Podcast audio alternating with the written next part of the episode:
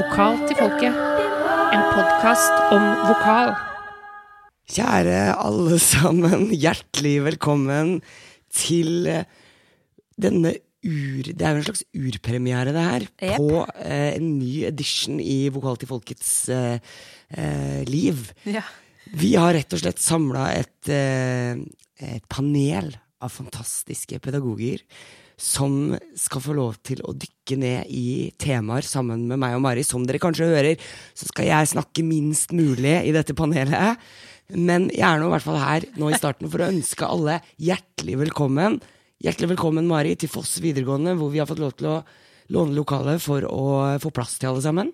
Tusen takk for det, Karina. Eh, jeg klarer nesten ikke å, å, å, å høre på deg, for det er så uvant at du er så Ja, mørk og mystisk. ja da. Du burde ha booka deg noen sånne Tom Waits-gigs, vet du.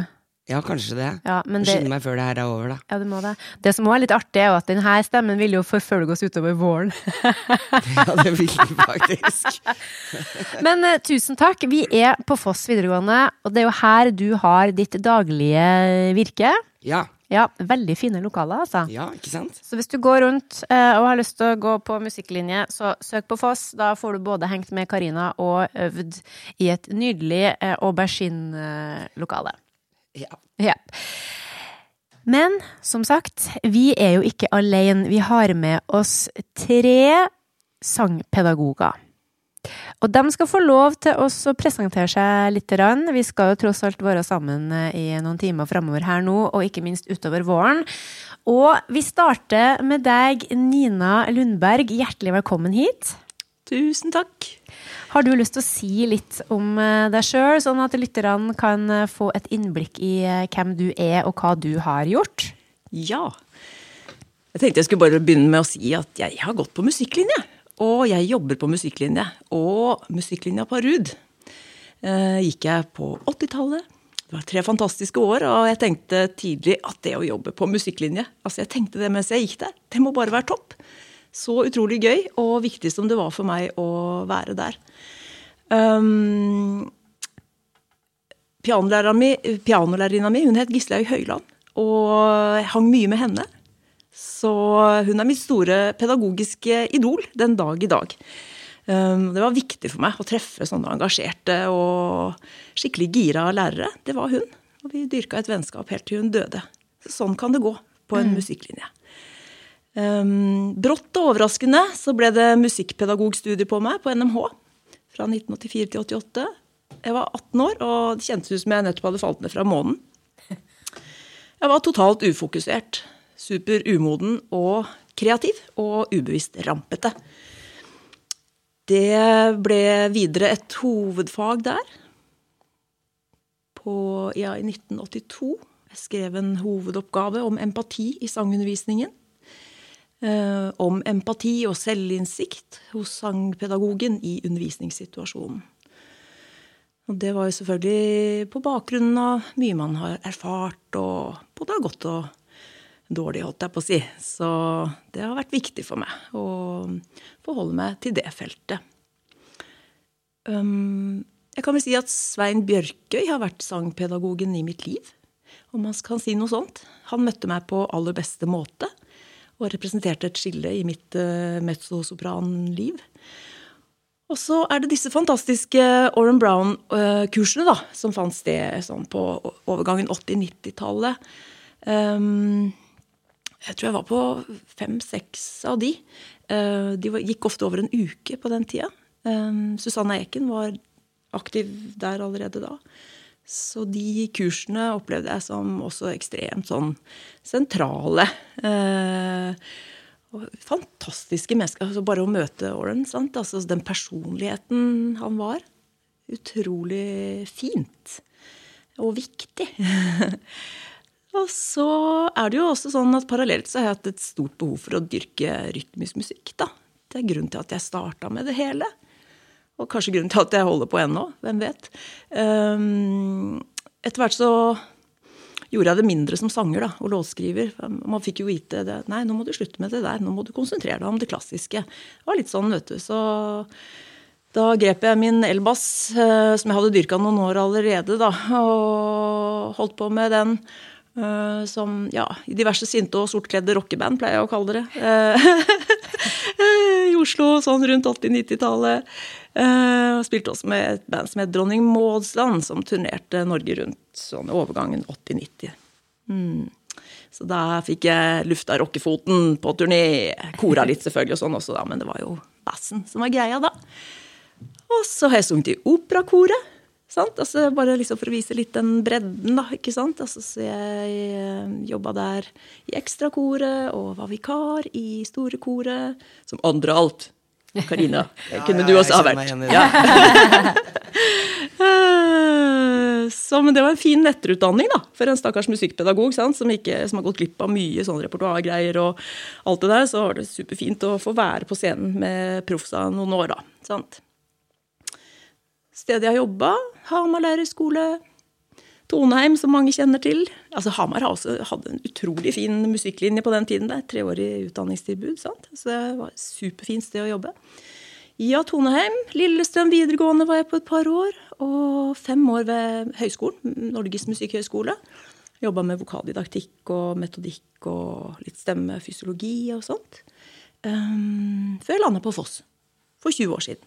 I august er det mitt lille interne jubileum. For da har jeg vært der i 20 år. Det sier vel noe om at det er et bra sted å være dere. Det, ja, for meg er det det. Mm. Andre ting, da. Så har jeg trent tai chi en årrekke. Det er jo en rar ting å si, kanskje, men eh, jeg er utdanna som tai chi-instruktør. Treningsformene og også alt som følger med av litt mer sånn filosofisk natur og sånn, det har stor innflytelse på meg som sangpedagog.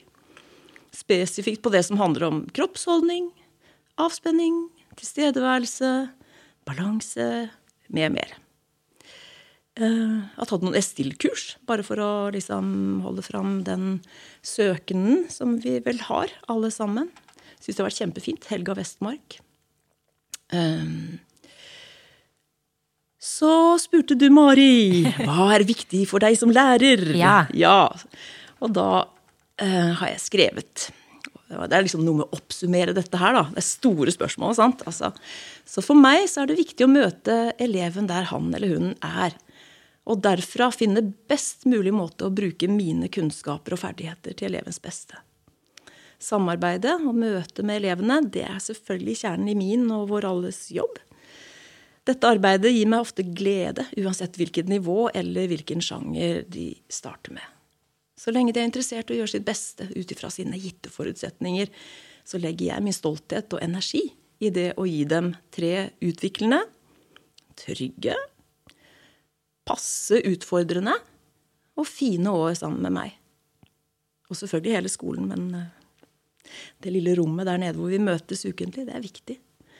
At elevene skal føle eierskap til prosessene og være i kontakt med sin indre motivasjon. Det er superviktig. Det er sånn flagg. Har eh, elevene på musikklinja eh, samme sanglærer gjennom hele eh, liksom forløpet? Ja og nei. Ja. Det er vel ofte å eh, trakte etter at Ja. man eh, kan ha det treårige løpet sammen. Mm. Ja. Ja, nei, jeg bare, jeg bare lurt, for det, nå er det jo noen år siden jeg gikk på videregående, men da tror jeg òg at vi, vi måtte ha samme læreren de to første, og så kunne vi, hvis vi da ville ha en annen lærer eh, i tredje klasse, så kunne vi liksom søke om det. Eh, og det, noen ville jo sikkert det, mens andre bare tenkte at nei, men jeg trives her. ja. Ja. Men du, du snakka om eh, Susanna Eken og Oran Brown, og det er jo eh, Altså, vi har jo snakka om Oran Brown på poden før. Vi hadde jo besøk av Pål Rullestad, som da òg er din eh, kollega. eh, og Susanna Eken hun snakker vi jo om veldig, veldig mye i poden. ja. Men vil du si at eh, eh, Altså, tar du med deg på en måte det Altså både det eh, metodikken til Oren og hans liksom, væremåte inn i ditt virke? Tror jeg prøver så godt jeg kan. Ja. Det er viktig å si også at Svein Bjørkøy på en måte, Svein hang jo mye med Oren også, ikke sant? Og Ja. så, så Oren er liksom det store navnet, og det er en veldig god grunn til det. Ja. Eh, Men Svein var jo også veldig god på mange av de tingene. Men det er klart at det å treffe Oren som det Altså, glem sangen. Han var jo så fint menneske, ikke sant? Det der å i en sånn der utdanningsløp med masse konkurranse og sant, alle disse utfordringene man møter og Det å da liksom få treffe en fyr som er så planta og så eh, på en måte til stede for deg og for hver og en som kom opp på scenen én etter én på mesterklasser og på sangtimer, det var en eh, utrolig fin ting, da. Og han var jo ikke en stor sanger sjøl. Han hadde lite av det derre egotingene.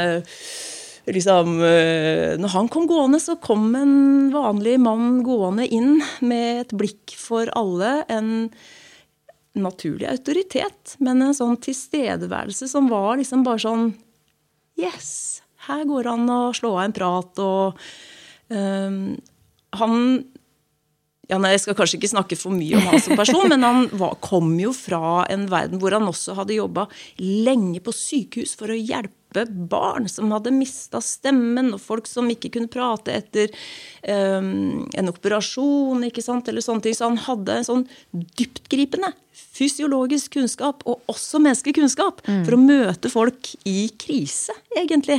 Også, ikke sant. Det var jo noe som han øh, fikk til så utrolig fint, da. Ikke sant? Ja. Så, eh, så han hadde en personlighet og en væremåte som gikk ganske langt utover det man ofte tenker på som den derre klassiske sangeverden, hvor man skrider inn som en eh, å, ikke sant? Ho, ho, ja. Og han var en tilsynelatende beskjeden og på plass dude, da. Ja. Ja. Nei, det virker som at de som har truffet den, eh, har et sånn ufattelig godt inntrykk av han, og blir jo helt sånn øm i blikket når de eh, snakker eh, om han. Og det er jo veldig, veldig fint. Tusen takk, Nina. Da vet vi litt mer om deg. Og så skal vi over til eh, en mann som har vært min kollega i ganske mange år nå. Husker ikke hvor mange det er, men det begynner å bli en del. Eh, David Fielder, hjertelig velkommen. Tusen takk. Kan ikke du si litt om deg sjøl, så vi får liksom plassert deg i det store kartet her? Ja, um, det kan jeg gjøre. Jeg har liksom vært sanger i hele livet, føler jeg. Debuterte i Grieghallen som Monostatos i 1991.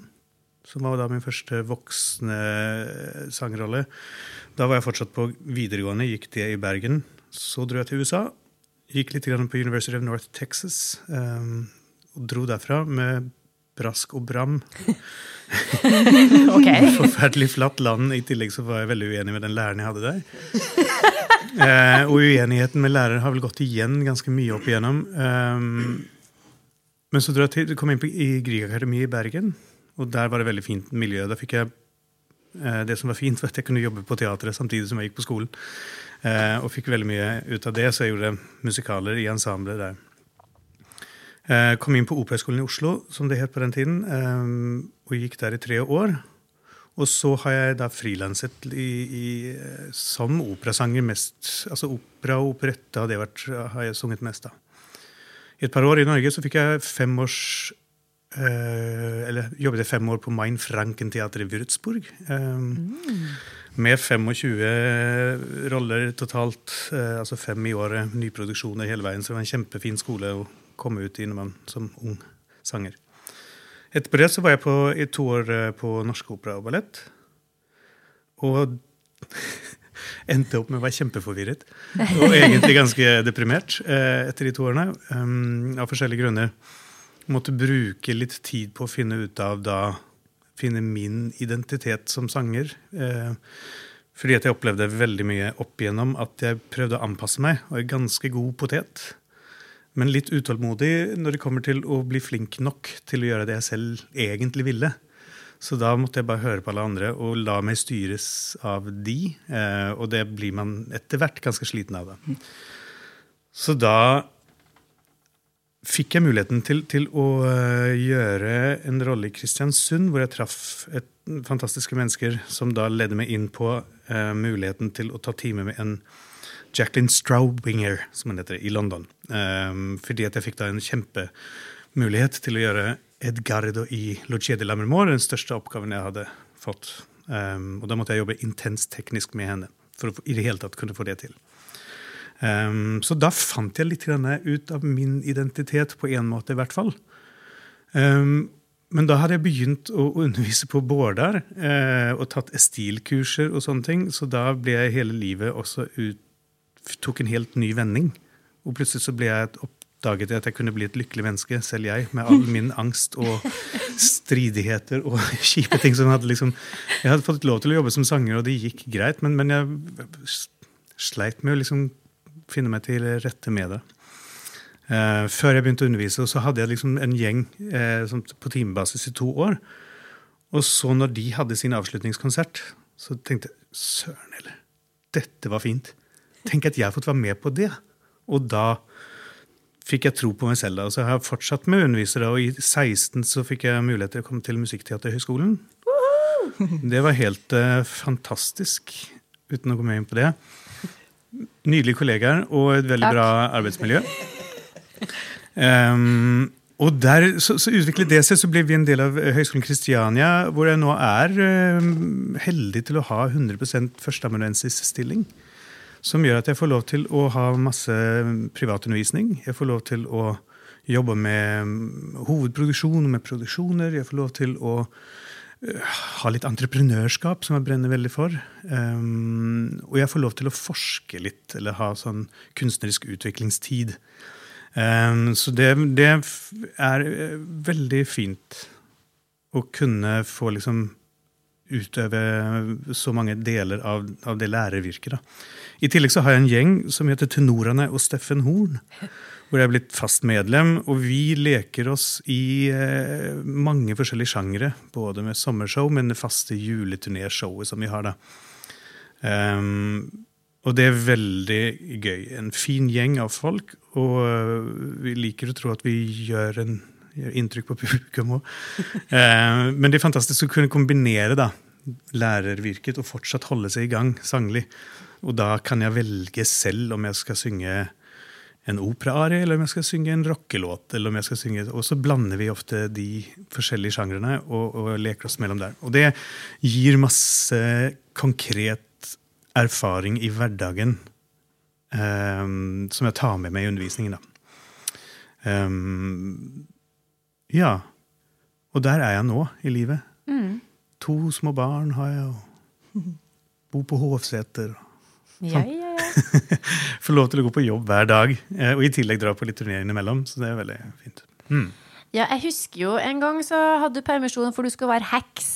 Ja. Det har, det, det, ja, det har gjort inntrykk på meg. Jeg synes var liksom, Hvor er David? Nei, han er heksen! Ja. Okay. Det er jo normalt når man jobber på musikkteater. Ja, det, er vel, det, er gøy, for jeg fikk lov til å være heks i 1999 i, på Operaskolen. Og så var jeg den samme heksen i 2009 i Würzburg. Og så var jeg den samme heksen i 2019 i Nordfjordeid.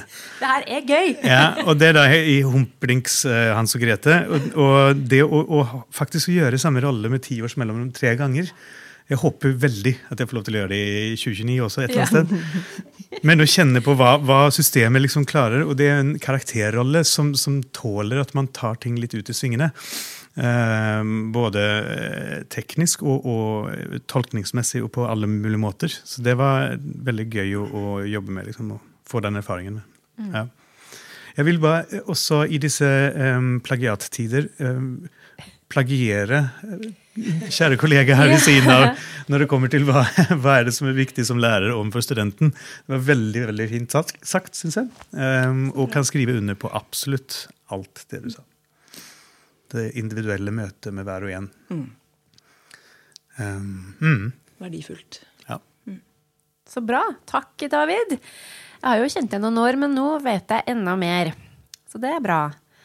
Og så Siste gjest han er jo på en måte en uh, gammel kjenning, for han har jo vært med i podkasten eh, før. Og eh, akkurat nå så er vi jo kollegaer faktisk på Kristiania. Og så har vi jo, som tidligere nevnt, studert på samme skole, Karina og meg. Og da Marius Solvågseide som sitter her nå. Velkommen. Tusen takk. Altså, Gammel kjenning er du, men allikevel så tenker jeg at du skal få lov til å si litt om deg sjøl, du òg. Det kan jo tenkes at det, du har gjort masse nye, spennende ting siden sist du var med. Det var vel kanskje i Var det 2021? Ja, det var noe covid. Uh, Det var covid. Det var på skjerm. Greier. Det var på skjerm. Ja, ikke sant. Så ja, fyr løs. Jo, tusen takk for det. Jeg skal jo prøve mitt aller aller beste på å presentere meg sjøl. Ja, det. På en måte som henger sammen, eh, og som ikke er forvirrende. Eh, og det kommer jeg helt sikkert ikke til å klare så veldig godt. Så det blir med en liten sånn disclaimer. Eh, begir meg ut på det her. Men jeg kan jo begynne med det jeg holder på med nå for tida. Ja. Som du sa, så er jo da kollegen din og David Selv om vi ikke jobber liksom med akkurat det samme. Jeg vet jo ikke hva dere holder på med, men jeg møter dere på det her pauserommet som er helt flott, med utsikt og sånn. Ja. På musikkteater-bachelor på Høgskolen Kristiania. Juhu. I tillegg til det så underviser jeg i vokal på rytmisk linje, Universitetet i Agder, eller det vi da kjenner som Konsen i Ja. Kristiansand. Der både Karina Mari og jeg har gått. Eh, Jeg er litt etter på dere, Ja. men ikke så veldig mye. Nei? Um, så jeg har jo liksom min um, mine hovedting der. I tillegg så dirigerer jeg Bærum pikekor.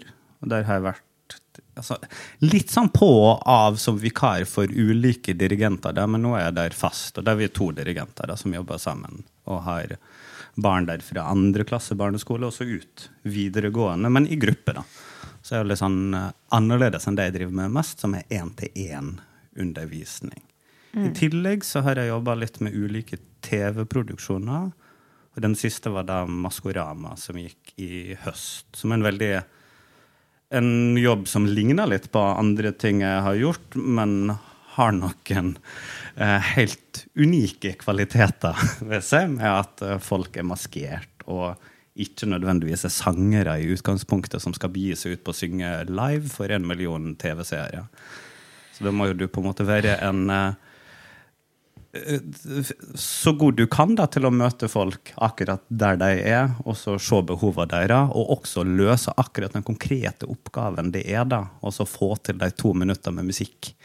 Og få det til å bli så shipshape bra som overhodet mulig. Og så er det kanskje bare de to minutter med musikk som er viktig for deg akkurat der og da. Det er ikke det her lange løpet, som vi, de tre åra som Nina nevnte. Sant? Det er ikke nødvendigvis det da som blir det viktige, men det blir den oppgave her. Hva skal synges på lørdag? Jo, det er den sangen her. Det må vi gjøre på god måte.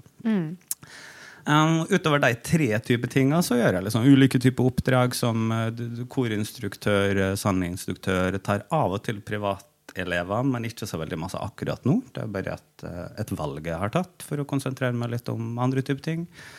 Er sanger uh, og korist, skriver korarrangement, har bakgrunn i korps og storband, så jeg er liksom eh, trygg på notelesing og akkordforståelse, og har liksom min faglige, formelle utdanning fra det, det her stedet der vi da var veldig opptatt av ja, å skrive arr, forstå blekk, eh, jobbe med analyse og forstå musikken også teoretisk. Eh, som med både hjerna og med ørene og øynene og med hjertet og alt, på en måte, og prøve å fusjonere det, er vel kanskje det jeg fremdeles driver med.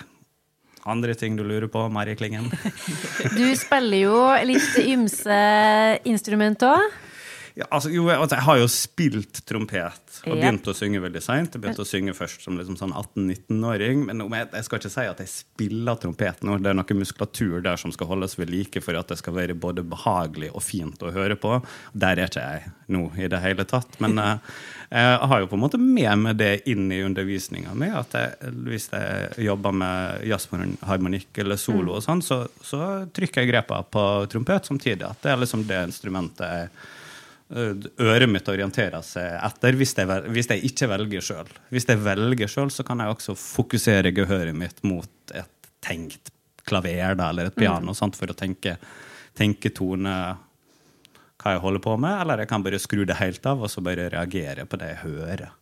Så jeg har liksom sånn ulike approacher, da. og det er kanskje det, det som tar med meg litt inn i min type utdanning, da, som har vært utrolig mange ulike plasser. Jeg har også vært eh, vikar på Foss og har vært innom Ruud så vidt. Og har vært på Munch. Har vært innom eh, NMH i jazzvokal. Jeg har eh, vokalensemble i Kristiansand.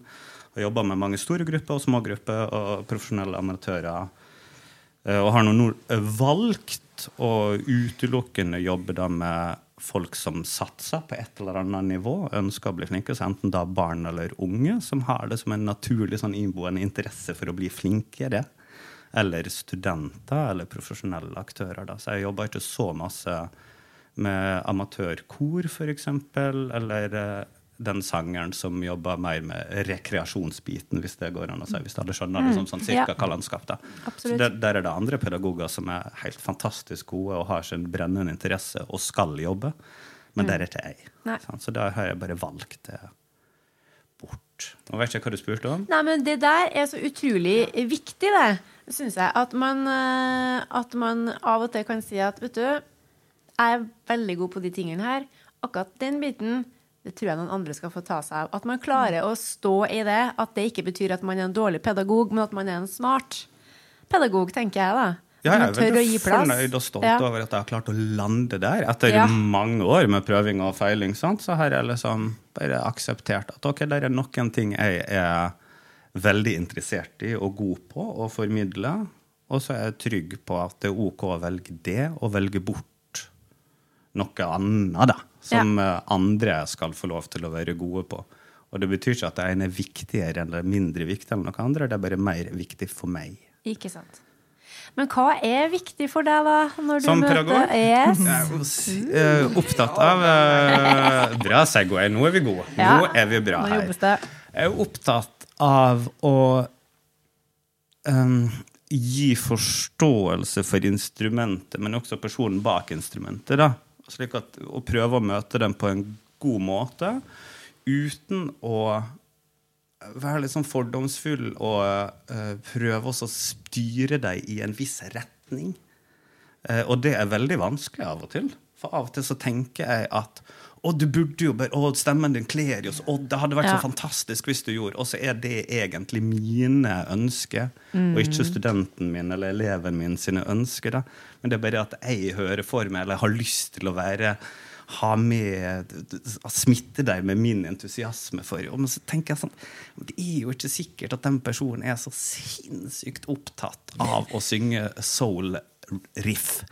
Liksom, eller synge så veldig sterkt. Eller kunne gjøre alle mulige rare ting med stemma. Det kan jo være at det var noe annet som var helt utrolig viktig for dem. da. Og Ja. da må jo jeg minne meg sjøl på av og til, liksom ukentlig og daglig, at det viktige er jo da den personen som er i rommet sammen med meg, og ikke meg og mitt ego, liksom. Ja. Og, og, og mine musikalske lyster, og, og hva jeg er interessert i. Så det er kanskje det jeg jobber med spesielt nå for tida. Ja. Og legge litt av meg sjøl og min musikalske interesse bort, men ikke helt. For av og til er det veldig viktig å veilede på smak, og studentene er veldig opptatt av hva jeg syns. Og da prøver jeg også å forklare litt min, min framgangsmåte, og, og at hvis de lurer på det, så må de bare spørre. For jeg svarer gjerne, liksom, men jeg har ikke lyst til at det skal være i fokus på hver time. Jo, gjør sånn, gjør sånn, gjør sånn. For da gjør jo de seg avhengig av Ja. Min validering på hva som er god kvalitet eller ikke. Ja. Hva tenker du om det, David? Nei, hadde en du er du uenig nå, da? Nei, men eh, jeg hadde en situasjon i, i eh, fjor. Drev på med hovedproduksjon. Eh, og da en sånn en frase i en sang. Eh, nydelig student som, som eh, gjorde dette, og jeg sto foran eh, ham og hoppet opp ned. Og jeg elsker jo opera og heavy metal. Som ba ham litt Kan ikke frasere litt mer sånn «Ah, Kom igjen, kjør på! Liksom. Så sa han helt sånn rolig ja, men David, vi er forskjellige.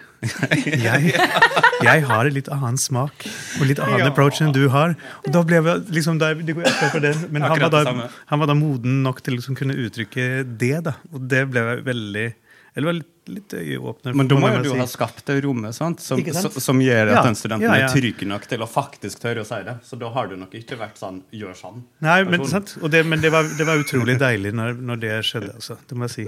Uh, men det der er superspennende tema som vi også kan gjerne komme inn på. Oh, yes. Eh, smak Sånn, sånn var jo jeg så klart ikke før. Sant? Som, som begynnpedagog. Det er kanskje viktig å også liksom tenke litt på. Det ble jeg litt sånn nysgjerrig på dere, hvordan man har utvikla seg som pedagog. Da. Men sånn, når jeg begynte å undervise, så skal jeg absolutt ikke påstå at jeg var like moden og reflektert i mine valg. Det var litt mer prøve og feil metodikk Av og til så funka det, og av og til så funka det ikke. Mm. Men av og til så ble jeg veldig opptatt av å vise at jeg kunne masse ting. Mm. Mm. Ja. Mer enn å prøve å finne ut hva det var jeg kunne bidra med. Ja. Hva tenker du, Nina? Jeg tenker det er så spennende å høre på. Og så tenker jeg på at vi jobber jo på litt ulike nivåer. ikke sant? Vi møter eh, elever i ulik alder og med ulike rammer. Og så er det jo sånn på Foss da, at vi har noe som heter mål, øh, fagplaner, ikke sant. Altså sånne ting som vi må forholde oss til. sant? Og der står det jo liksom ting som vi må følge i større eller mindre grad. Mm. og der er det jo liksom vi møter 16-åringer, av og til 15-åringer, når de begynner på Foss. Og der er vel ofte en sånn derre litt viktig ting at det uh, kan komme inn en elev og bare ha hørt på opera. ikke sant? Altså Virkelig bare ha hørt på opera, og kanskje sunget i Operas barne- og ungdomskor. De er liksom bare fostra opp på det der. Så jeg, men da må vi kanskje ta et lite utsving og prøve noe annet. Hva med å synge en vise? Hvordan er det? Hvordan er det å synge en jazzlåt? Altså, um, fordi at det står jo faktisk at det skal være um, en viss bredde da, ikke sant, i repertoaret. Og det tror jeg gagner ungdommene. Selv om de skal få lov til å spesialisere seg og bli hørt og bli forstått på det de vil, uh, så er det jo det med at er det ikke superkult da, å få ha i hvert fall ett år hvor du får prøve ut uh, på en måte litt ulike ting? da. Og det har jo skjedd it's been known to happen. Mm. At folk bare Wow! Dette er meg! Det er her jeg er hjemme! Og så tenker jeg at det, det, må vi også på en måte I den situasjonen da, og med den aldersgruppa og i det skoleslaget, så må vi på en måte gjøre det der. At vi dytter litt på folk og eh, liksom ja, utfordrer dem litt. Og noen er veldig åpne. Noen har kjempelyst. De sier det allerede på inntaksprøven. 'Ja, jeg vil prøve forskjellige ting. Så spennende. Mm. Dette gleder jeg meg til.' Og andre blir litt sånn 'Ja, hvis jeg må, så må jeg det'. Og ja. det er eh, Ja, Ari sier nei, Skal vi synge hva? Italiensk? Eh, klassisk? Mm, nei. det kan bli veldig Føle at dette er veldig vanskelig. Og det må man selvfølgelig også forholde seg til. Skal jo ikke pushe det på dem for enhver skyld, ikke sant? Altså, men, eh, men det å liksom forsøke å utvide ramma litt, da. Mm. Mm. Jeg tror det er sunt, det. Men det der, når vi er inne på det her nå med repertoar, det har jeg lyst til å snakke litt om. fordi det jeg lurer litt Jeg har en del spørsmål hva dere tenker om det med repertoar og repertoarvalg på de ulike plassene. For nå har vi eh, Nå er det videregående her representert. Eh, og så har vi eh, høyskole, universitet. Og så har jo alle sammen sikkert erfaring fra liksom, privatundervisning og møter jo folk. Og det Jeg må innrømme at eh, da jeg studerte sjøl på rytmisk, så var det aldri noe snakk om eh, repertoar. Det var aldri noe snakk om at den sangen er for vanskelig. Altså fra min pedagogs side, da. Fikk aldri høre det. Det skjønte jeg på en måte litt sjøl. Men da må vi huske på det at det repertoaret jeg jobba med da, var eh, jazzrepertoar. Eh, Ellers så var det sanger som jeg hadde skrevet sjøl. Eh, og så var det selvfølgelig en og annen eh, låt som eh, ble på en måte pålagt meg fordi jeg skulle bli med på en eksamen, bli med på en interpretasjon og sånne ting. Men det var aldri snakk om at du må vente med den jazzlåta, den er for krevende. Eh, eventuelt så var det kanskje fordi at eh, skjemaet, det harmoniske skjemaet var såpass vanskelig at det ville blitt ganske kjedelige kor, altså instrumentalsoloer i starten. Men jeg fikk aldri høre at det der er for krevende eh, muskulært eller tekstlig vanskelig. Det burde jeg kanskje ha fått hørt. Sang jo mye obskur Tori Amos, og de tekstene der er jo litt sånn hei hvor det går. Men eh, er det noen som tenker noe om det, som har lyst til å åpne ballet? Hvis ikke, så peker jeg bare. Så det er jo helt greit. Ja, David, da begynner du. Ja. Nei, jeg syns det er et kjempespennende tema, for det, det har så forskjellige forskjellige aspekter ved det. Ja. Altså, eh, det er liksom dels det, hva som er gunstig teknisk, og, og, hva som kan være utviklende teknisk. Eh, hvor man kan begi seg ut på ting som, som, rett og slett kan være destruktive for stemmen, hvis man prøver å få ting til som man ikke er klar for muskulært. Eller, ja, eller, hvordan da? Kan, kan, stemmen liksom bare revne. Ja, det kan den. Kan den det? Ja, ja, ja. Nei, det orker jeg ikke. Men, men det er alt ettersom Jo, men hvis man, hvis man over lengre tid synger med for med mye trøkk, Ja. og prøver å nå steder som stemmen ikke er klar for å nå helt opp til ennå, så Mm. kan det absolutt være skadelig.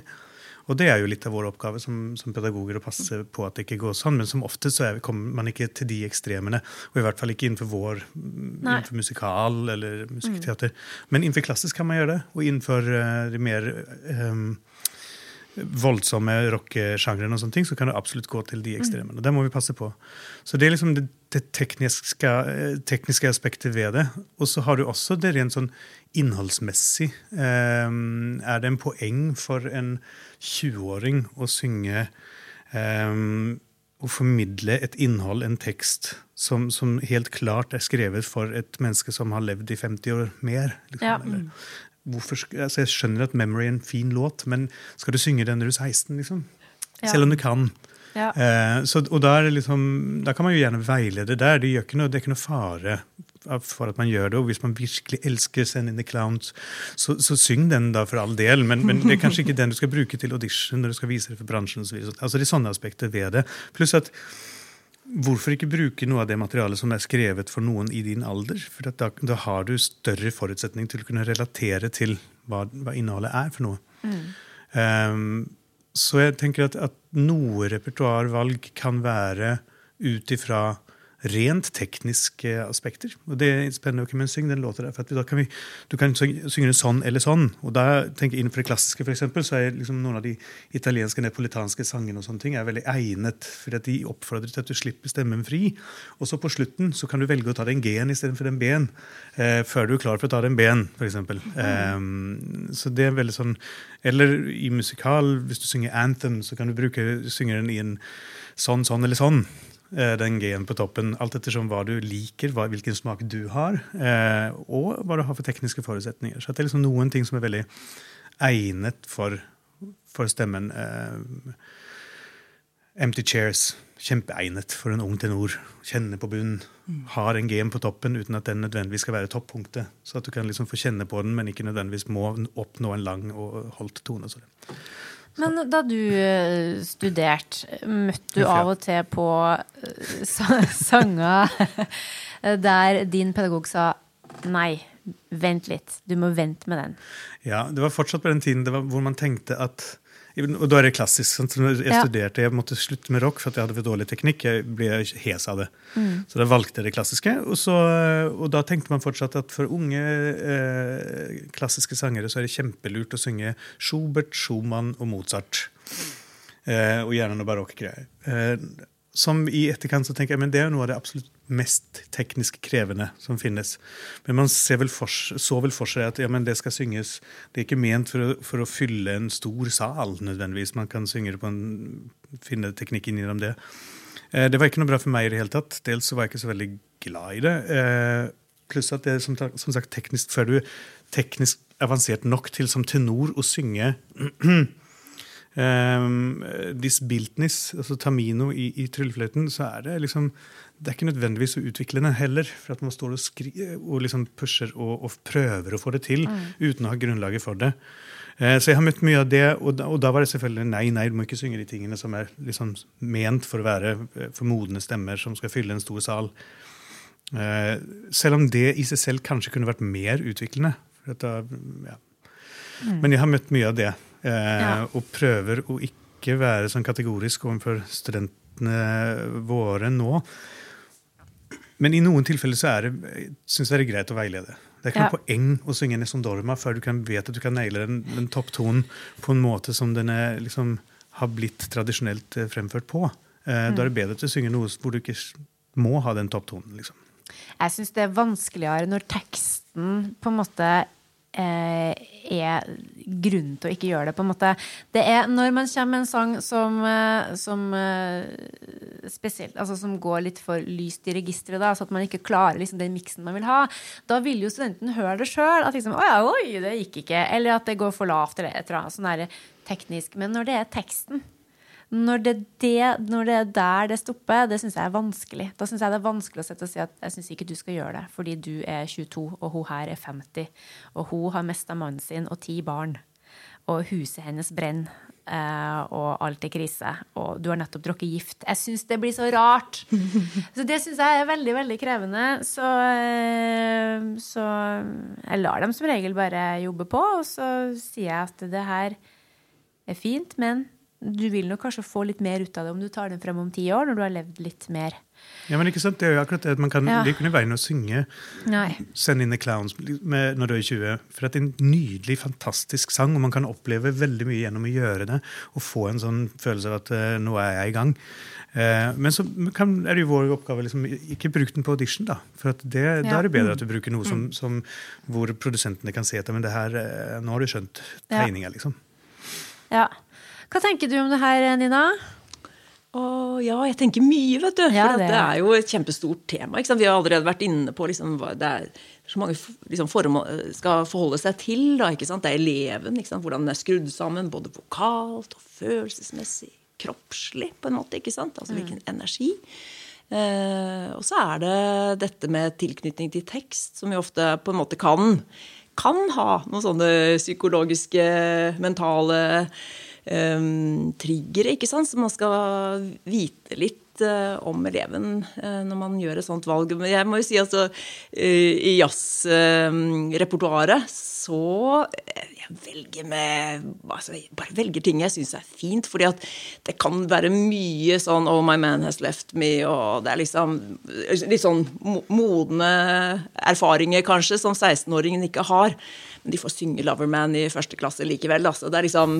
Altså, fordi at vi bare synger en sang. Så kanskje jeg velger å ikke gå så innmari inn i um, det tekstlige dybden, ikke sant? Men at Ja. vi, og det er ikke alltid at elevene tenker på det engang eh, mens vi synger den. At oi, her er en tekst jeg burde forholde meg til. Det er mer sånn å, det er kult, jeg synger en litt bluesy sang. Det, å, jeg liker det. Ikke sant? Altså, og da tenker jeg at det er helt fint. Og så er det jo noen tekster som kanskje kan Jeg husker så innmari godt jeg hadde en kjempesøt eh, elev. Ja, de er jo søte alle sammen, da. Ja, dere er kjempesøte alle sammen. Ja. Så, det, men eh, hun kom med Jeg liksom sa til henne ja, men nå er det på tide at du velger en låt sjøl. Altså, kan du ikke komme med et forslag? Så kom hun med den sangen, da, 'Lyrics and Chords', ikke sant? og vi satte oss ned, og så begynte vi litt, og så øh, og jeg kjenner, Det er masse poplåter jeg ikke kjenner. sant? Altså Jeg bare prøver å forholde meg til det elevene liker, og så tar vi det derfra. For de kan det ofte. sant? Så jeg bare gønner på. Og, um, og hun står der og synger, og så blir det litt stillere, og så ser jeg litt opp fra pianoet, da. Og så står hun der litt sånn rødmende og litt sånn Jeg har ikke tenkt så mye på hva den handler om. jeg. Nei. altså, Jeg vet ikke om vi skal synge dette her. og Liksom, Det er det du synger det for andre, at du kanskje Å ja. ja, ja, men for, ja, men for hun, hun tenkte, jeg tror hun tenkte veldig Du, der sitter du, gamle dame med grått hår. Nei. Hvordan går det for deg med denne teksten som handler om eh, litt sånne ting som vi ungdommene snakker masse om? Ikke sant? Jeg tror ikke hun hadde hatt den opplevelsen hvis hun var på et rom med en medelev. ikke sant? Så plutselig så bare vom, Så står hun i den der erkjennelsen av at oi, det er mange år mellom oss. Og er dette liksom noe for, Ja. Eh, for en eldre dame, da, ikke sant, å forholde seg til. Jeg tror, jeg, jeg tror ikke det var bare det at hun tenkte på meg, men like mye det at det er sånn Det er et gap mellom oss som, Ja. vi, som hun opplevde veldig sterkt der og da, da. Ikke sant? Mm. Og det var veldig søtt, altså, syns jeg. Og vi tøys altså, Da velger jeg veldig ofte å bare tøyse og fnise litt, ikke sant. Og så går det veldig greit. Ja. Eh, ikke i alle situasjoner, men i, i den så var det en veldig grei løsning. Og til slutt så, så bare sang vi det. ikke sant? Altså, så var det liksom rydda litt ut av banen, da. Ja. Men, eh, men sånne ting kan, kan oppstå, da. ikke sant? Så jeg tenker at den bevisstheten som dere har snakka om, ikke sant? den er kjempeviktig. Um, og så er det det derre mer sånn fysiologiske forholdene, da. sant? Som jo er um, utrolig viktige, og som kanskje holdes litt ekstra fram i det klassiske. Um, og nå kommer det en liten Oren her. Kommer en liten Oren, yes. Og han pleide jo Flere ganger har jeg hørt han si Jeg har til og med skrevet det ned, sånn at det skal bli riktig. Og han sier You don't learn how to sing by singing an aria. You learn how to sing so that you may sing an aria. Yes? Og i det så tenker jeg at det ligger eh, mye erfaring og visdom. Det er sånn at du går veien. Um, ikke sant? Bygger deg opp til det som er musikk. Som særlig senere, altså de siste 200 årene, 150 årene eh, Operalitteratur er jo skrevet for å tross alt synge over et fullklingende orkester. sant? Og det er jo en oppgave. En skikkelig atletisk oppgave. Så jeg tenker at det han sier der, det er en utrolig fin liten sånn uh, guiding star. Og så kan man selvfølgelig si at det fins masse arier. Og det visste Oren også. ikke sant? Altså, så man kan synge liksom Caccini og Du kan gå tilbake og finne flotte små arier fra barokken. ikke sant? Og uh, til og med noen nyere arier som bare er skrevet for lett stemmekvalitet og utenfor lange fraser og for mye tung dynamikk og alt dette her. ikke sant? Men altså, det er en læresetning som jeg alltid har med meg. You learn how to sing so that you may sing an area. Hvorfor skal man begynne der? Mm. Uh, han har et annet uh, sitat i boka si, og det er Stanislavskij-sitat. Da sier han at um, altså Stanislavskij sier Never begin with the results. They will appear in time as the logical outcome of what has gone before. Så det er et syn på progresjon. Ja. Sant? Og det er vel noe som vi av og til kan møte i det rytmiske repertoaret også. ikke sant? Når 15-16-åringene eh, vil synge ja. ikke sant? Altså de store artistene. Ja. Eh, og synger og synger og synger. 'Jeg blir sliten.' Ikke sant? Altså, ja, men det er ikke så rart. De er mature artists. Ja. De har sunget lenge, de har øvd seg opp, og de har endog vært i studio. Og Ja. det du hører, er filtrert musikk. Det er komprimert, det er fiksa på, Ja. det er klippa. Og, og så står du her, lille Nurk på 15 år, og, og tenker at det er rart at du ikke får det til sånn. Og det er på en måte litt sånn ekvivalenten, tenker jeg, til Orens sitat, kanskje. At det er litt sånn Vi begynner et sted, alle Ja. mann, og så må vi se på hva det er som eh, funker, Men da. er det ikke da også fordi jeg opplever at når, når de da skal synge disse store artistene, kanskje spesielt rytmisk, det kan hende det skjer i klassisk men at de gjerne vil herme Så det handler ikke bare om å nå den tonen, men det handler om å nå den tonen og høres ut akkurat sånn som den artisten også. Så man begynner å manipulere stemmen litt også. Yes. Det er kanskje like mye det som er problemet, tenker jeg, da. Man må på en måte synge med sin lyd. Så kan man kanskje komme opp på en tone på et viss måte, men man må, må Det er masse fint å hente i og herme òg, så jeg er ikke imot det. Men man kan ikke forvente at man høres ut som man er 40, man, eller sånn som meg, som er 40. når man er 15, du kommer ikke til å høre sånn her ut da. Jo, men det er jo nettopp det med liksom, det å herme kvaliteten også. ikke sant? Altså Én Ja. ting er range, ikke sant, og Ja. Dette her, men, men eh, altså selve klangen også. Og, og da kommer vi litt tilbake til det der med aldersgruppa mi, da. 15, 16, 80, 19 år. Eh, og, og hvordan skal du vite? Når du er 15-16 år, hvem du er, og hva som er din vokale identitet. da, ikke sant? Altså, Eller signatur, som Kristin Kjølberg og, og Åshild Kyvik Bauge skriver. Ja, de har jo kalt den siste boka si for stemmesignatur. ikke sant? Og, og hva er det? Det tror jeg er veldig vanskelig å vite når du er um, så ung, da. sant? Så Men det syns jeg er vanskelig å vite selv om man blir eldre òg. Ja! Fordi at man, Hva er signatur? Hva er min stemme? Mm. Den er sånn av og til når jeg synger eh, Nessun Dorma, men den er sånn når jeg synger eh, hva det måtte være. Sant? Så det, Men heldigvis er det jo ikke en fikst greie, da. Nei, ikke sant? det det. Den kan og det, sånn bevegelig vi masse. manipulerer alle veier, liksom. Ja. Så at, eh. Men det som eh, man må også det med å herme det, Jeg syns det er kjempefint at vi gjør det, og at studentene blir liksom oppfordret til det. Men så må man liksom være litt bevisst på hvem man hermer. For selv om Whitney Houston var 19 da hun spilte inn And I will always Så er hun jo freak of nature. Altså Det er jo én sånn stemme, da. Eller kanskje to, i hele verden. Og da hvis eh, X står der og prøver å være på akkurat samme måte der, så kan det faktisk det kan være skadelig. Ja, ja. Eller Tori Amos, som du nevnte. Ja. ikke sant? Kate Bush, Sånne spe veldig spesielle stemmer Ja. ikke sant? som man bare digger. Og Janis Joplin, hvis du prøver å synge sånn uten å vite hva du skal få til de effektene der, så å gjøre det på en ja, litt sånn usunn måte, så kan det gå ordentlig galt. Mm.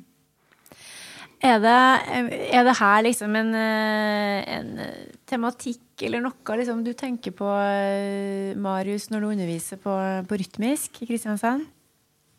Mm, jeg blir jo frista til å svare sånn raskt nei. Men, eh, men det er ikke helt sant, for jeg tenker jo absolutt på det. Uh, på uh, Rytmisk Kristiansand så tenker jeg sjelden på om det tekstlige innholdet er en god match for studenten. Det tror jeg aldri har tenkt eh, der. Jeg har tenkt det masse når jeg har undervist på Poprommet musikkskole. Da var jo Ja. elevene da yngre enn videregående igjen. Og da handler det mer om, en, om det, på modningsnivået. Og da pleier som oftest å spørre når jeg underviser i barnekor vil du synge den her for mamma eller for pappa eller for, for bestemor. Ja. Syns du det passer? Hvis de syns det passer, da er det OK. Ja. Eller så kan du da liksom stuereingjøre de, de banneorda banneordene hvis man synger i en kirke. Eller sånne type ting. Da, at du må tilpasse repertoaret til den settingen du skal synge i. Ja. Men når det gjelder liksom sånn, om en sang er for stor eller eh, eh, for nedbrytende for stemma, det er sjelden jeg opplever at studenten velger vanskelig nok låt. Eh, jeg prøver å pushe dem til å valge ting som er vanskeligere. Ja. Teknisk, teknisk mer krevende, for at de gjerne skal åpne opp flere muligheter for hva stemmen kan få til. For det, de kan jo musisere på et skyhøyt nivå. Utrolig fantastisk. Jeg er opptatt av tekstformidling. Går inn i historiefortellinga, skriver kanskje sine egne låter. Det her er litt sånn fritt på om vi jobber med deres låter, eller om en låt de har valgt sjøl å plukke, som er det begrepet jeg lærer bruker. Å plukke låter. Eller om jeg har gitt dem en liten sånn plukkeliste. Da, sant? Velger en låt fra de fem fremme artistene her. Liksom. Kanskje det er noe for deg som du kan liksom sjekke litt ut. Og da velger jeg som oftest ting som er godt innafor det de får til. De strekker ikke seg nok. Da. Og da blir jo min oppgave å legge lista litt over der de får. Om det da er i range, eller i ofte et eller annet element av kontroll da, innenfor det tekniske, som jeg tenker Å, du synger alltid underkomprimert, altså luftig. Eh, Det kan jo være stilistisk helt midt i blinken og fantastisk godt liksom, for deg, og du har stor identitet til det og har bygd hele din, eh, ditt uttrykk i det. Så jeg kan ikke mene at du ikke skal gjøre det, men jeg kan jo presentere muligheten for at vi kan også beherske og ikke gjøre det. Og så når du har beherska det, så kan vi ta stilling til om du har lyst til å bruke det som et element eller et virkemiddel i musikken din eller i din kunstneriske liksom, sfære. da. Eller om det handler om ansatskontroll eller pitchkontroll eller fleksibilitet eller eh, registerutligning eller egalisering. Liksom. Det er ikke så eh, viktig akkurat hva det er, men der er alltid noe. og det er som oftest det jeg hører etter denne her sangeren i rommet når de synger for meg, så tenker jeg ja, sant, din, du har en tendens til å synge sånn i den sangen her, som du sang for meg nå, men nå synger du også da kanskje akustisk på et rom uten komp, eller du kompa deg sjøl, og det låter ganske liksom uh, dårlig. Går det an å si, liksom? Og da blir det dårlig kompa på deg sjøl. Du spiller kanskje litt stekt, og du sitter litt krokete. Du ville aldri stått sånn og sunget når du synger på scenen. Så det her har veldig liten overføringsverdi til det du skal jobbe med. Ok, Da må vi liksom gå bort ifra det, og så må vi finne en annen måte å jobbe på. For ofte så øver de veldig annerledes enn den situasjonen de skal synge i. Ja. Uh, og da blir det egentlig ikke Da blir det mer sånn at um, vi snakker om et konsept på en time, og så må jeg jo bare håpe at de øver på en måte som gjør at det blir overføring. Men mest sannsynlig så øver de best når de står der på scenen og skal synge en konsert. Ja. Og er supersjølbevisste og prøver å få til ting og analysere den bitte lille detaljen de gjorde. liksom. Og det er jo øving og ikke framføring. Så det skiller jeg ganske liksom, hardt med i min eh, om jeg skal kalle det metodikk. At jeg skiller tydelig mellom innøving, øving eller bearbeiding og framføring. Som er liksom tre ulike faser da, i et uh, arbeid. Og ofte så er det sånn at uh, hvis studenten har skrevet materialet sjøl, så er jo innøvinga ferdig, og de musikalske valga tatt. Og da jobber vi mer med hvordan få det her liksom, så bra som det overhodet kan uh, bli. Men hvis de har tatt ansvaret for å lære låta sjøl, så kan ikke de låta. De kommer med tekstark. De kan ikke melodien godt, eller de kan melodien sånn 60 eh, Og så bare winger de resten, for det høres jo tross alt greit ut. Og det gjør det.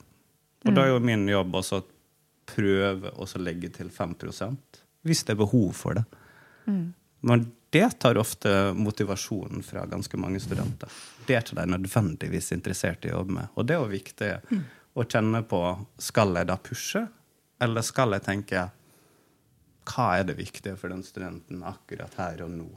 Er det at jeg presenterer alle de tingene den ikke får til? Mest sannsynlig ikke. Eller er det at jeg fokuserer på det den allerede er god på? Mest sannsynlig. Eh, Hva har jeg mest lyst til å gjøre i meg sjøl? Jo, det er å presentere alle de tingene den ikke får til. Så der, er- der er jo jeg da i eh, konstant konflikt med meg sjøl på innsida. På hva jeg har lyst til, og av og til så glemmer jeg meg så kanskje og får ordentlig fot. Og begynner å snakke om et eller annet konsept liksom, som jeg tenker det her må jo du bare bli fantastisk for det når du forstår det. Og så tenkte jeg å nei, oi herlighet, det er jo total overkjøring. og så må jeg eh, beklage meg på timen etterpå og så spørre hva sitter egentlig igjen, og så må vi prøve på nytt. Liksom. For da blir jeg eh, enormt engasjert i eh, ting. Og når du da treffer den studenten som er opptatt av de samme tinga som du er opptatt av akkurat der og da, da er det gull. Ja. Og som ofte så kan du få det til, men du må da presentere godt hva det er du ønsker å jobbe med, og hvorfor. Og backe det ganske masse opp da, når det er snakk om repertoar. tenker jeg. At jeg må bruke masse tid på å tenke hva er det Her hører jeg at du har en tendens til å gjøre sånn. Hva skjer hvis du gjør sånn? Er du interessert i å prøve sånn? Eh, Liker du stemmen din når du synger lyst? Nei, du syns det er dritstygt, da. Ja. Men er det egentlig stygt? Da må jo jeg høre på, så tenker jeg Nei, det her har jeg jo hørt fremført mange ganger i en setting og syns det var ordentlig, ordentlig fint. Da må du jobbe med måten du tenker på din egen stemme. ja, kanskje det bare var uvant å jobbe akkurat der. Ja. oftest ja. fremmed, liksom. Ja. Altså, det at du liker å velge vanskelige ting, det kan jeg skrive under på. For akkurat nå så fikk jeg en flashback til når jeg hadde sangtime med deg. Ja, det stemmer. Det har vi hatt. Fytti grisen. Jeg har hatt to timer med deg. Den ene var for at jeg trengte hjelp til å bygge opp noe muskulatur etter at jeg hadde sånn mageoperasjon og skåret over magemusklene. Og så tok jeg en Bare sånn i en bisetning. Og så var det en time der jeg eh, jeg husker, jeg ville bare ha ditt syn på det å jobbe med det som sikkert veldig mange kaller for eh, belt, som jeg kaller for egentlig bare miks i toppen. Og da skulle du jammen meg ha meg til å sånn, synge en sånn der himla Yolanda Adams-låt som oh, ja, på en måte kretser rundt Tostrøken Ass. Ja, det var der vi var. det er Der er. var vi. Ja, men der kan du være, sant? det er Ja, jo fordi at men det der er hornet ditt. slitsomt, da! Jeg orker! Nei, men det er jo tungt å pushe grenser. Ja, men men, jeg trenger- det er jo de grenser, da, så det er jo dritt for alle, uansett hva nivå du er på. Jeg føler at jeg ikke trenger å være der. Det, du klarer deg veldig fint uten også. Ja, Det sies. men, så, men du bare Å, det høres så fint ut. For det første så følte jeg jo at, at jeg hadde stål i kjeven. Og så er det Det er så Det er Det er tungt, ja. eh, For min muskulatur. Og uh, sjøl om jeg egentlig Egentlig så går det veldig fint, men det er jo ikke det jeg har jobba med de siste åra. Så det å skulle liksom når utgangspunktet er Der skal vi være. Men det er klart, og nå er det sikkert noe som dette Det er jo med en viss type miks som gjør at det er greit. Det er en miks som Altså, en, eh, du mikser stemmen din sånn at det går skal vi fint. mer om senere, Ja, det? for det er ikke, det er ikke så vel Altså, det er, hva skal jeg si, det er det som jeg kaller for soul-miksen. Når du finner den, så kan du bare jobbe på, men så må du høyt trykk i kroppen. Ja, så- men så sant? det er ubehagelig og ekkelt, og du Ja. oppleves som pressa, at du har liksom lite fleksibilitet da, sammenlignet feit- med hva du har til vanlig. Du må feite opp den, eh, den soul-miksen litt, da. Så det blir mer sånn sånn funky. Ja. Ok, men det er interessant. Det, altså det, det er veldig interessant å høre eh, om det med repertoar, altså. Fordi at eh, det, det er en gjenganger. Eh, spesielt, tror jeg, kanskje i eh, Altså i klassisk sang. Altså Det er ikke noe fasit, men jeg føler at det, der kanskje det er eh, Det der det kan gå dårligst, hvis det blir feil, kanskje. Eh, sånn teknisk sett. Og så Min erfaring er på videregående og på kulturskole, så man, kan, man vil jo ende opp med å kunne synge sangene, men kanskje det blir sånn her synging, da. You, you're the one I want. Men syng Beyoncé sånn. Det går jo. Man får jo lært seg låta. Eller man, man kanskje legger den litt ned. Det går You, you're the one for me. Ja, det går òg an. Ja, er det juks, det, tenker dere? Altens forsvarer, Karina. Men tenker dere at det er juks å legge ned Beyoncé?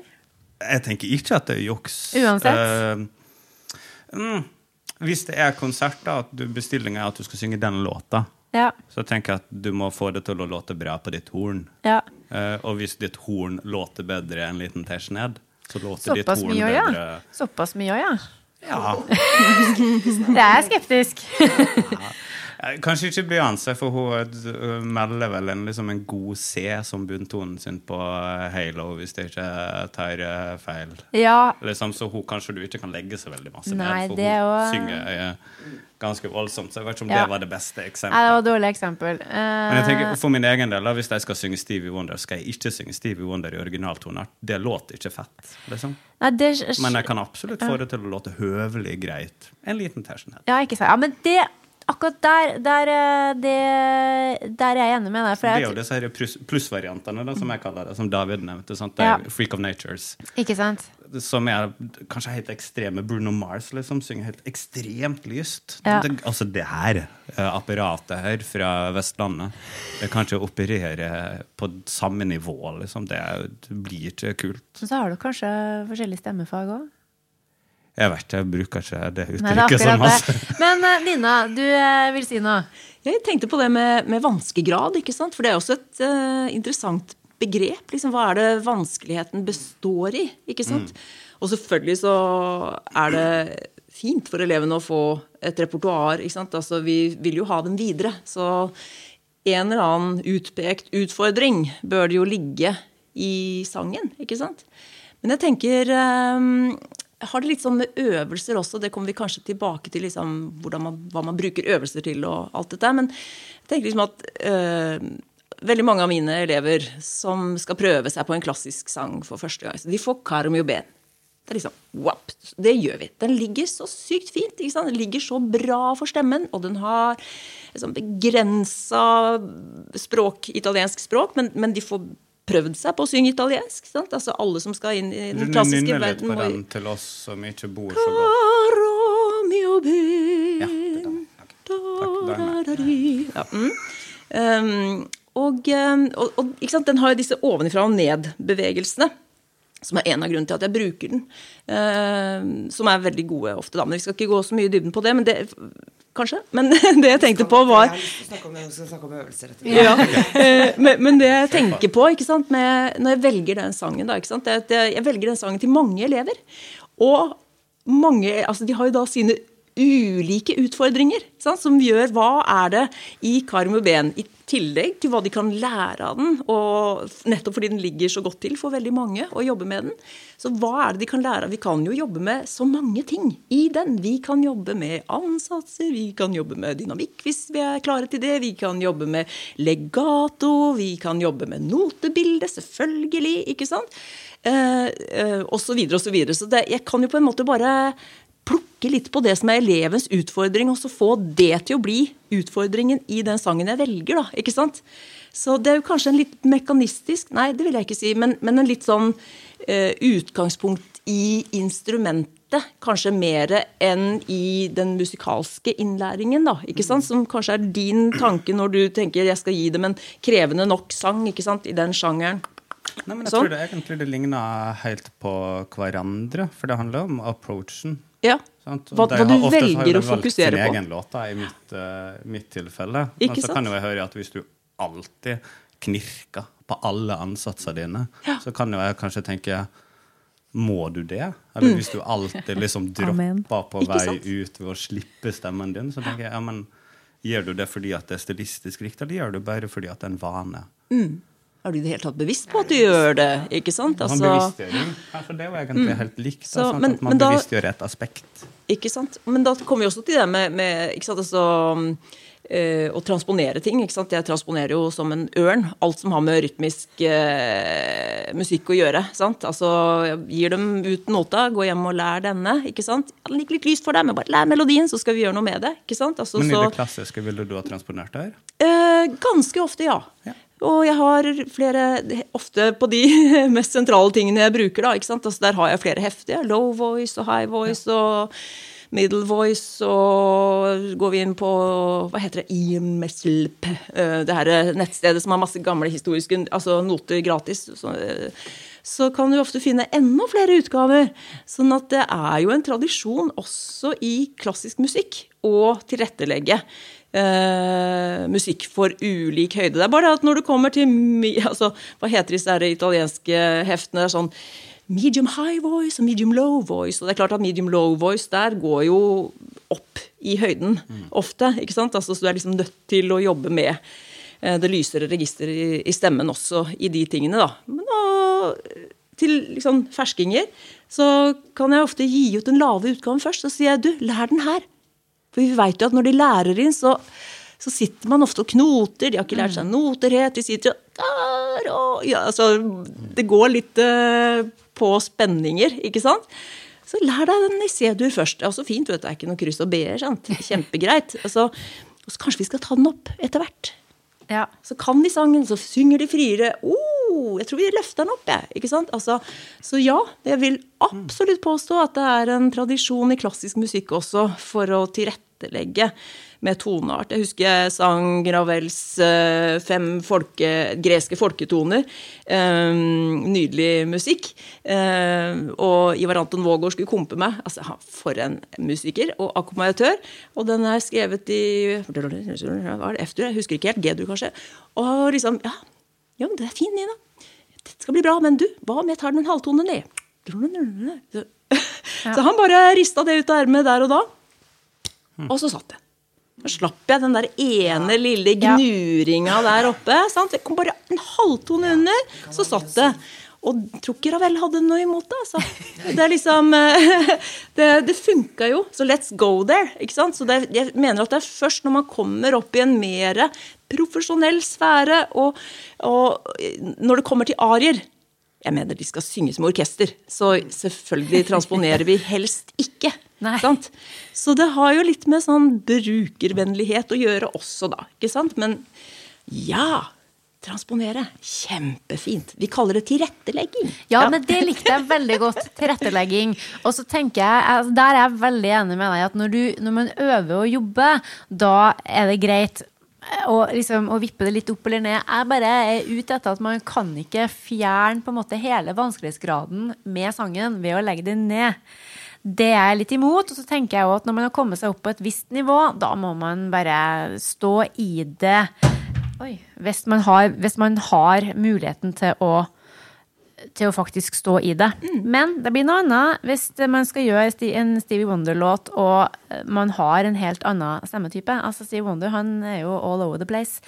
Også som Lise Davidsen sa, det blir jo litt stress å transponere Wagner. eh, Så visse ting må kanskje bli stående der det er, tenker jeg. Men har, er noen sånne I opera så er det fins De aller fleste operahus som har holdt på en stund, de har på en måte en versjon av Kejela Manina en halvtone ned. For, for den tilfeldige tenoren som man har lyst til at skal synge det, men som allikevel syns det er slitsomt med en scene på toppen. Ja. Uh, og det er noen sånne tilfeller. Men vi har jobbet i det siste litt med sånn for å forske på det, litt genderbending, uh, hvor eh, en damestemme synger en mannssang, for å si det veldig sånn eh, enkelt. Og da ser vi jo at hvis du synger i samme oktav som, som den er skrevet i, at det får et helt annet type uttrykk enn hvis vi legger den opp en, kvart eller en kvint. Som ofte er det som, For da oppnår vi litt av den samme spenningen eh, eller eh, litt den samme intensjonen som komponisten har hatt til låta. Eh, så der hvis du skifter kjønn, bytte mellom kjønna, så er det en veldig poeng å, å også gjøre noe med tonearten. Men så hadde vi samtidig i fjor en som gikk inn og gjorde i hovedproduksjonen en stor rolle. Skrevet for en mann, sang det eh, med fullt øs i den oktaven og fikset det. Men da eh, var hun også en som hadde teknisk mulighet til å gjøre det. da. Så det tror jeg er veldig sånn individuelt. Men jeg, en liten erfaring er jo «Ona una furtiva lagrima altså fra elskovsstrikken.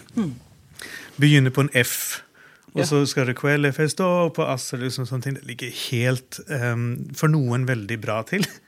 For min del så har jeg sunget den veldig mange ganger og alltid gruet meg til å synge den i, i den tonearten, fordi at det er bare så forferdelig for stemmen min. Så vi skal ut på en liten sånn miniturné med, med en miniversjon av den. Så tenkte jeg enten kan jeg liksom dra ut og grue meg hver gang, eller så prøver jeg hvor den er hvis jeg legger inn en halv tone. Da åpnet den seg opp. Ja. Jeg gledet meg hver gang til at den skulle komme, for at det var bare en, hel, en fest å synge. Som du ville sagt, Mari. Ja. Og jeg, jeg kunne kose meg så det. Jeg kunne liksom gå inn i teksten, jeg kunne formidle det som, som, som eh, sangen var ment til å gjøre. Mm. Istedenfor at jeg liksom skulle grue meg til at nå skal jeg komme inn i sånn teknisk helvete. Ja. Eh, og det var Unnskyld at jeg bannet. Eh, men da, altså, i den setningen så var det liksom det var det rette å gjøre. Liksom. Men selvfølgelig, skal du synge den på hovedscenen på operaen her, så Ja. da synger du den tonen at den er skrevet. Liksom.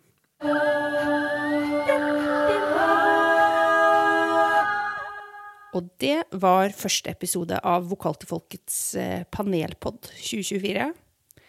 Vi fortsetter vår samtale med Nina, Marius og David i mars. Så da er det bare å begynne å glede seg.